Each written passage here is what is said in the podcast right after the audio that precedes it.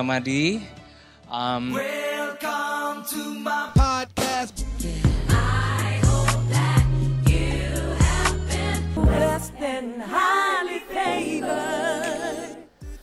Hello, welcome to podcast series So You Think You Can Preach bersama gue Denny Gamadi dan ini adalah serial podcast yang membahas bagaimana kita memperlengkapi diri kita untuk melayani firman Tuhan, khotbah. Nah, sebagai basic teman-teman sekalian, saya nulis sebuah buku yang judul Hotter Than Gossip lebih hot daripada gosip yang bisa didapatkan di Tokopedia. Kemudian ada di Shopee juga. Nah, ada beberapa toko online yang teman-teman bisa cari. Um, hotter than gossip. Itu adalah teknik langkah-langkah menyampaikan kebenaran firman yang nancep. Dan di episode yang pertama kita sudah bahas khotbah yang makjelep. Nah, episode kedua ini gue mau bahas tentang khotbah yang kuat adalah khotbah yang dari 4C. C, C, C, C. C yang pertama, kita langsung aja ya, adalah bicara soal konten. Seberapa bagusnya penyampaian kita, tapi kalau nggak ada isinya, kita itu seperti memberikan junk food kepada audiens kita. Untuk bisa punya konten yang bagus memang harus studi bener-bener. Belajar, ada software, ada buku-buku yang berbobot gitu ya. Sebab kalau nggak kita tuh seperti ini loh, ada satu orang yang ikut kebaktian, ada satu siswa yang ikut kebaktian di kampusnya, dan ada pembicara tamunya itu orang yang sangat famous gitu loh, terkenal banget. Waduh, mahasiswa seneng sekali buat dengerin dia bicara. Nah, si anak ini juga denger dengan serius. Pembicaranya dinamis, bergerak sana sini, bajunya juga bagus, dan dia bisa berkoneksi pada audiens yang bagus sekali. Nah, tapi ternyata setelah itu, si pembicara tamu yang famous ini, dia nggak bahas banyak kecuali cerita tentang diri-diri yang cerita yang membesarkan dirinya, dan pertemuan-pertemuan dan relasi-relasi yang dia punya dengan orang-orang famous lainnya. Bahkan gak kedengeran ada dia kutip ayat satu pun. Nah, jadi di sini akhirnya semua itu terhisap ke self glorification atau membesarkan diri si pengkhotbahnya doang gitu loh. Dan itu nggak punya kuasa, nggak punya power. Karena yang punya power yang sangat gede adalah firman Tuhan sendiri. Nah, C yang pertama adalah konten adalah memiliki penjelasan yang alkitabiah, yang historis, dan juga teologi yang jelas gitu kan ya, yang kita bagikan ke orang lain, yang orang tuh pas belajar, wow, ini ada bobotnya nih. Orang ini isi penjelasan Alkitabnya benar-benar berbobot. Berbobot bukan berarti sok-sok akademis, gali-gali yang nggak perlu, tapi menyajikan Alkitab dengan segala kekayaannya. Itu konten. C yang kedua sekarang, yaitu konteks Konteks adalah mengenali siapa yang menjadi lawan bicara kita. Nah, di dunia hari ini sebenarnya ada hal yang beda sama audiens yang masa lalu. Jadi gini, gue pernah datang di sebuah gereja di mana si pengkhotbah itu tiba-tiba ngomong, "Saudara-saudara, dulu saya punya kecanduan dengan pornografi." Si pendeta itu ngomong gitu. Masih muda pendetanya. Nah, abis kelar kebaktian, ada dua respon yang berbeda yang gue dapetin dari audiens. Yang tua itu ngomong gini, wah gila ya itu pendeta. Dia sedang melakukan career suicide. Tamatlah karirnya. Kalau dia ngomong kayak gitu, siapa ada jemaat yang mau percaya sama dia lagi? Pasti nggak bakal diundang lagi pendeta kayak gitu. Itu dari golongan yang lebih tua. Tapi ternyata respons dari generasi yang muda itu beda anak-anak muda itu malah bilang, wow, gua suka nih pengkhotbah yang kayak gini, mesti sering kita undang. Dia orangnya apa adanya, dia transparan. Nah, menarik ya. Konteks, kalau kita kenal konteks dengan baik, C yang kedua ini, kita bisa nyampein firman Tuhan yang tepat dan mendarat. Karena hari ini dengan budaya pop atau pop culture yang begitu masuk ke dalam berbagai lini kehidupan, kita lihat bahwa para selebriti juga memposting mistake dan kelemahan mereka for all to see. Kita bisa lihat kesalahan orang dan mereka minta maaf. Dan menariknya, fans itu are very quick to welcome them back. Para selebritas, selebriti melakukan kesalahan, melakukan pelanggaran, tapi kemudian menyesalinya. Dan para fans itu cepat sekali buat nerima mereka balik. Nah, kita hidup di dunia di mana we accept their mistakes because we know that we make mistakes as well. Nah ini kalau kita kenal konteksnya begini, barangkali pembawaan khotbah kita akan berbeda. We forgive them because we know we ourselves need forgiveness. Inilah yang disukai oleh generasi yang sekarang ini. mindset yang berbeda yaitu apa? Vulnerabilities itu disukai. Keterbukaan, keretakan itu dirangkul erat oleh generasi yang ada sekarang. Nah, mengenali konteks ini sama pentingnya dengan konten. Oke okay lah, saya mungkin salah dalam ngomong itu. Konten itu sangat penting. Kalau tahu konteks tanpa konten tuh nggak bisa apa-apa. Tapi sebaliknya, kalau nggak tahu konteks juga, maka konten kita bisa ditolak dengan mentah-mentah. Cuman gara-gara kita salah ngebaca konteks. Nah jadi sayang kan, konten gitu bagus, tapi karena nggak bisa baca konteks, akhirnya membal. Sebab gini, kalau teman-teman dengar podcast album saya yang lalu yaitu Gen Z Ministry, saya kasih contoh bagaimana Rasul Paulus itu ketika khotbah selalu ngerti banget konteks latar belakang pembicaranya kayak apa sehingga setiap kali ngomong itu selalu jelek dia itu. Salah satu contoh deh. Kalau saudara khotbah kepada millennials hari ini, millennials itu punya hidung yang tajam yang bisa mengendus kepalsuan Seberapa hebat pun pengkhotbah menceritakan kesucian dirinya, ketidakbercalaan dirinya, milenials itu hidungnya bisa ngendus. Wah, palsu nih orang, nggak otentik nih orang. Dan waktu mereka dapati hal itu, dengan cepat mereka akan tutup telinga dari melanjutkan untuk mendengarkan. Nah itu itu konteks bisa ngebaca. C yang ketiga sekarang adalah communication. Konten penting, konteks ngebaca juga penting, tapi sekarang deliverynya, penyampaian juga penting, yaitu apa? Communication skillnya, cara nyampeinnya. Communication skill itu bicara soal jelas nggak kita bicara. Mata kita lihat ke mana, gestur tubuh kita, mimik kita, kita berjalan atau kita terpaku di mimbar, dan juga pakaian apa yang kita pakai. Nah ini yang menarik soal pakaian.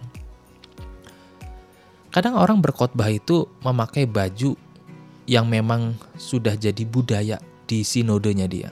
Misalnya semua orang pakai baju tertentu, stola atau dasi tertentu, atau color tertentu.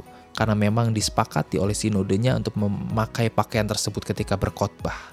Tapi coba kita tanya, Pak, Bu, kenapa Bapak atau Ibu pakai baju itu? Mungkin mereka bilang, ya, ya, ya, ya inilah baju pendeta. Ini yang saya ambil.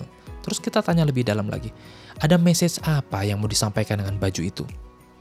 Oh, ya message-nya saya adalah orang yang dipilih Tuhan untuk bicara tentang firman. Apa message-nya? Otoritas? Kasih?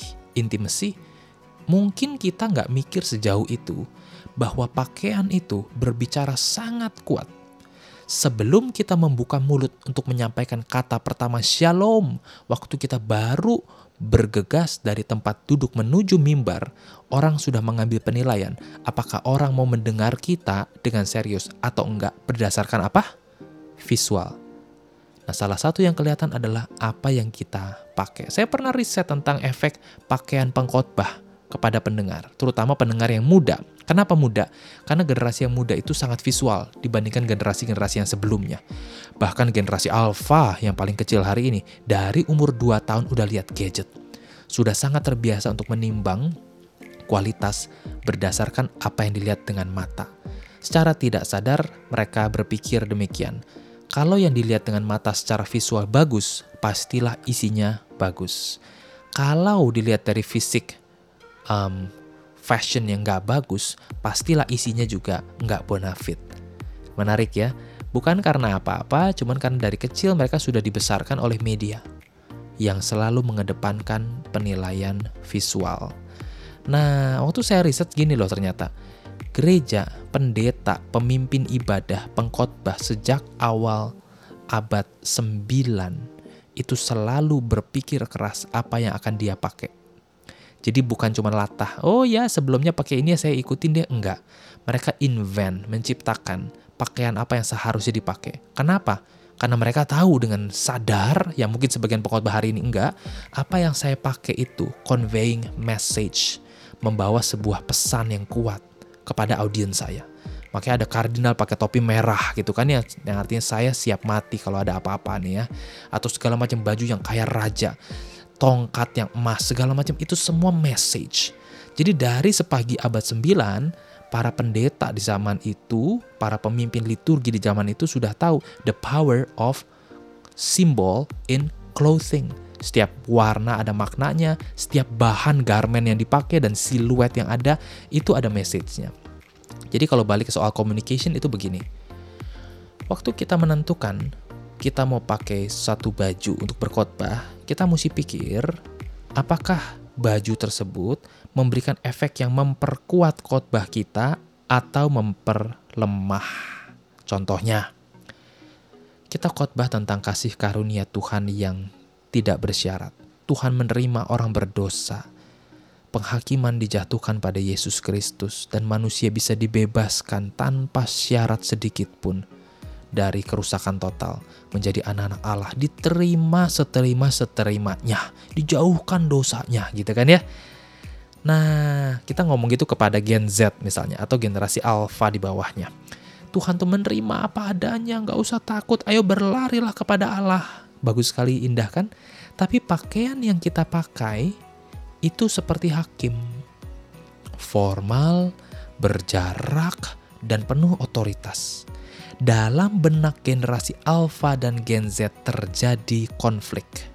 Karena di, menurut mereka gini loh, saya mesti percaya yang mana?